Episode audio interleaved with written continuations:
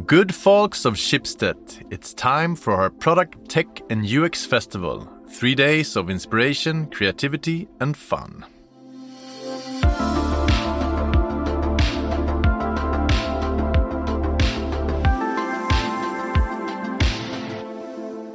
To find out more about what Schibsted's PTU Festival is all about, I asked Magnus Thulin, the festival manager.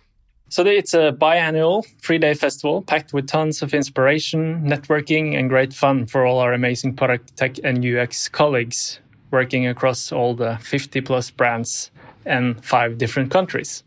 It's from the 4th to the 6th of uh, May. And uh, now that the pandemic is gone, we're offering everyone to participate in uh, physical hubs across uh, six uh, different locations. How did it all start? So it all started back in late 2019.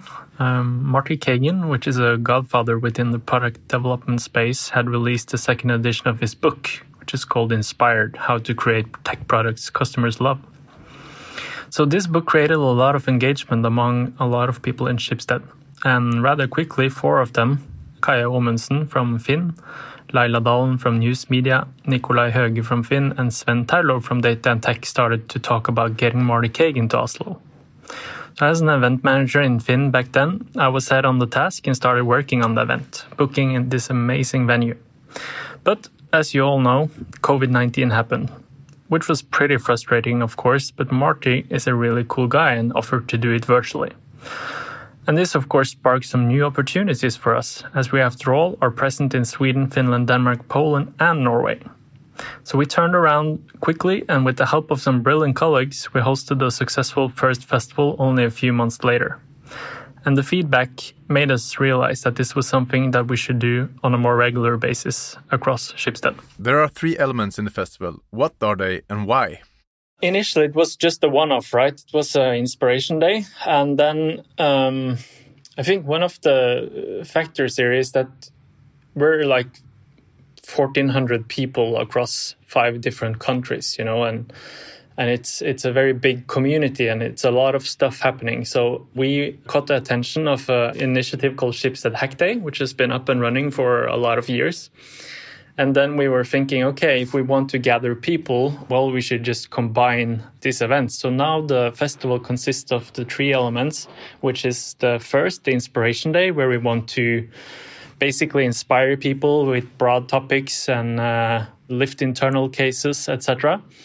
And then on the second day, we have the hack day, where people are supposed to get together, create new fun stuff, and yeah, just have fun basically. And on the third day, we have the demo session. And actually, this time now on the 6th of May, we're inviting everyone in Schibsted to the demo session to take place and uh, and watch, you know, what what's uh, being created by by our uh, communities. Agnieszka Steciewicz is a product manager and co-responsible for Hack Day. What's her recipe for a great hackathon? Um, for me, the most important is the human aspect. Hack Day is organized for people and by people. And Schibsted consists of many different brands and units. So our challenge is to make it interesting and relevant for a variety of people. Um, that's why participants' perspective is always in the center of our planning process. We are constantly iterating and implementing new ideas to find a good balance between providing opportunity to innovate and uh, have fun and potentially create some business value on the way. By human aspect, I also mean people behind organizing Hack Day, our so-called Hack Day crew. I feel like we are really have an amazing team with super dedicated people willing to go the extra mile to make Hack Day something special. This is why I'm enjoying this project so much. We are one diverse team. The energy is great. Everyone is bringing something to the table. And um, also, we have a lot of fun working on this project.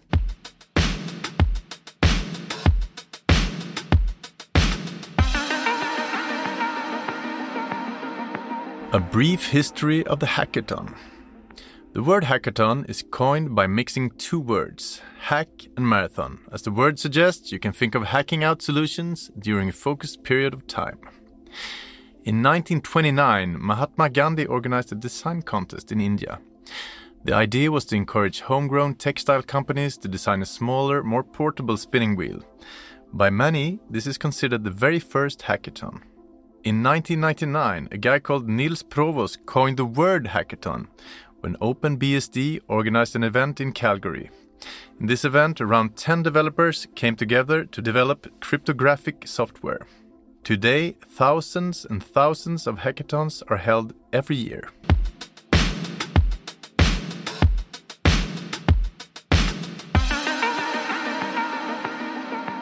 What themes do you have in this year's festival? Uh, so we have one engineering track, uh, we have a creativity and innovation track, and then lastly, a self development and inspiration track.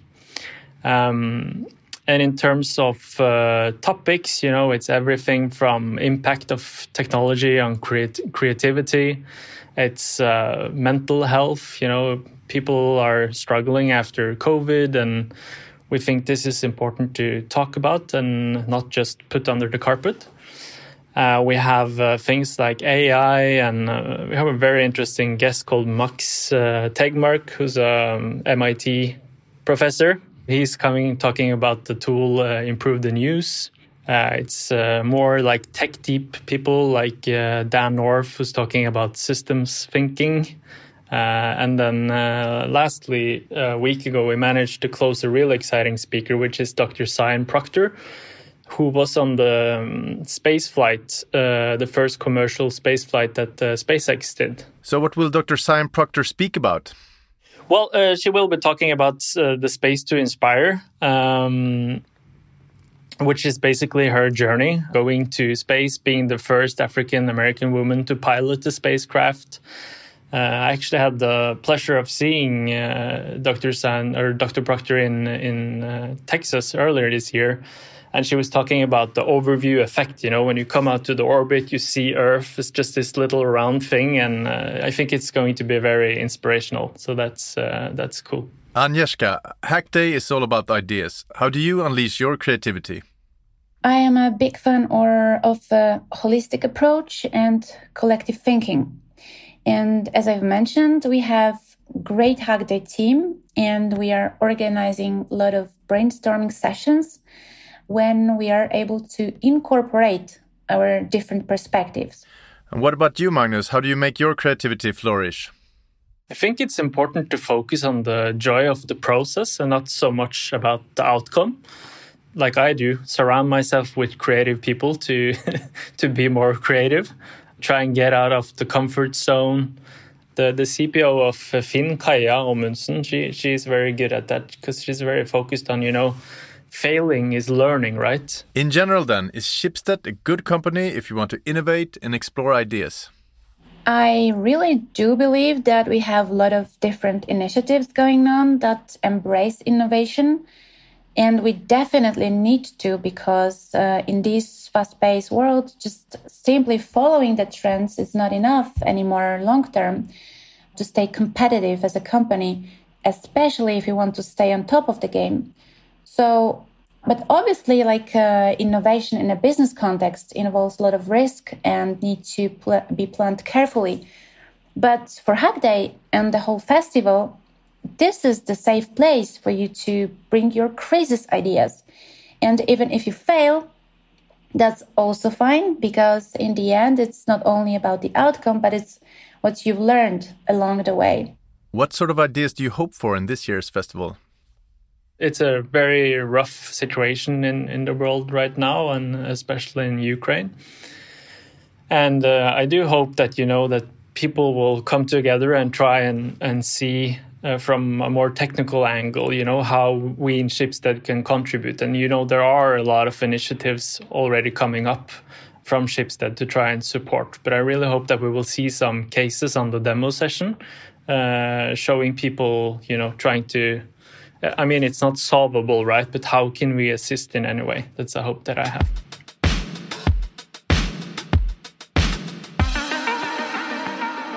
So my way of thinking about the festival and uh, and a lot of things is that you know you put people in a room and then magic things happens you know And uh, the magic here is is a lot of different things. You know, if someone connects and create something great that can make our services better in a way, that's obviously key. But if maybe some people connect and uh, broaden their network, and you know, that's that's also magic for me.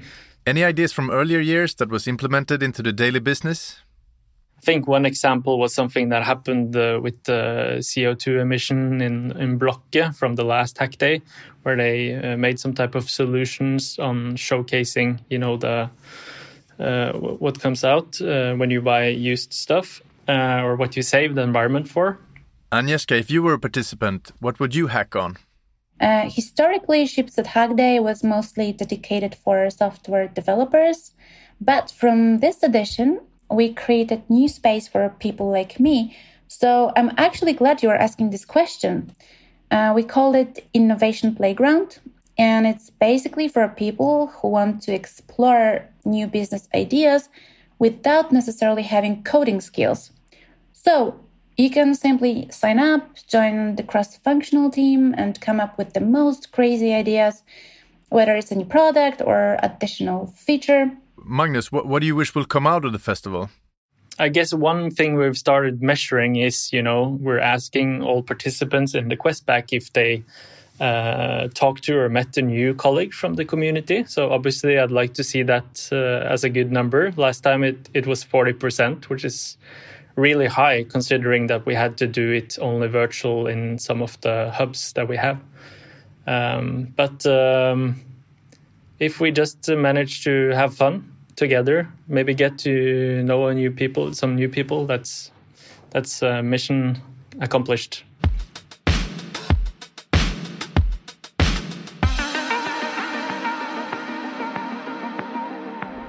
Schibsted setting up hubs or stages in all the major offices Aarhus, Gdansk, Helsinki, Krakow, Malmö, Oslo, Stockholm. If you're not able to participate in person, you can tune in to the festival remotely from the virtual stage.